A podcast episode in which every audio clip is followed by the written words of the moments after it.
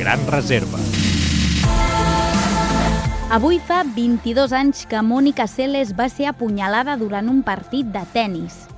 La tenista sèrbia, que aleshores tenia 19 anys i era número 1 del món, disputava un partit de quarts de final del torneig d'Hamburg contra la búlgara Magdalena Maliva.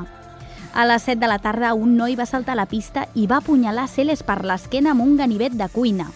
Era un fanàtic de la tenista alemanya Steffi Graf, a la qual Seles havia pres el lloc de número 1 del món feia poc, i volia apartar la Sèrbia de les pistes durant una temporada.